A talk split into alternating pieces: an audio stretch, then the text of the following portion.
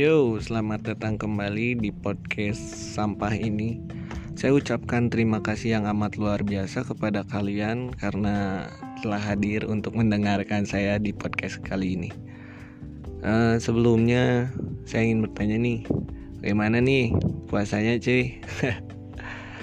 saya harap lancar-lancar saja ya, dan semoga kalian diberikan iman yang kuat dalam menghadapi teman-teman yang seperti yang seperti setan.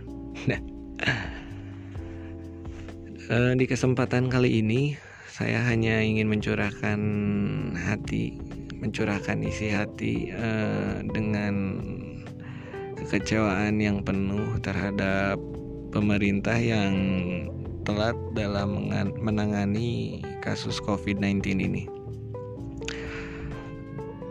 Yang pertama kita tahu bahwa pada bulan Februari yang lebih tepatnya awal Februari para ahli dari UI atau Universitas Indonesia sudah mewaspadai akan penyebaran virus COVID-19 ini di Indonesia.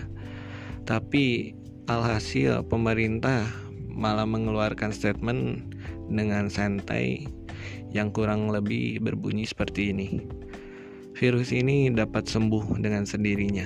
Wow, itu sebuah omong kosong yang luar biasa ya. Salut.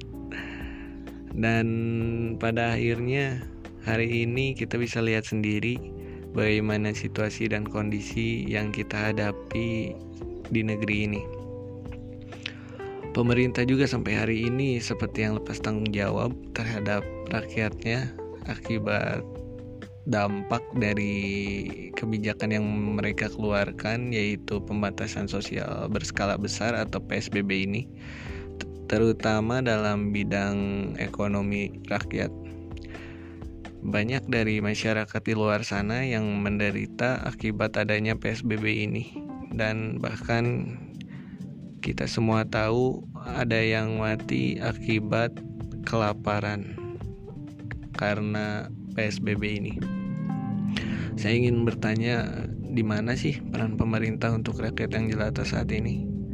Mereka serasa tak punya dosa untuk mengatasi semua ini dan malah melanjutkan rapat yang kita tahu rapat itu untuk merancang undang-undang yang sangat melemahkan para buruh yaitu uh, untuk rapat yang merancang omnibus cilaka.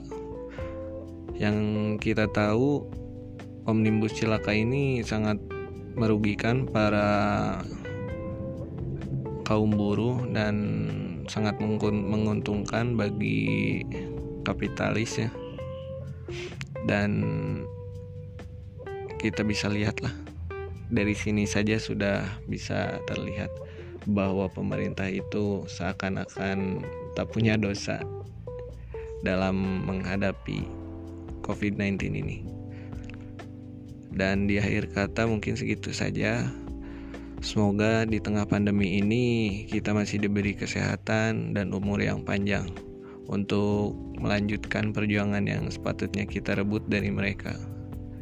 Di akhir kata, terima kasih banyak untuk kalian Thanks for listening.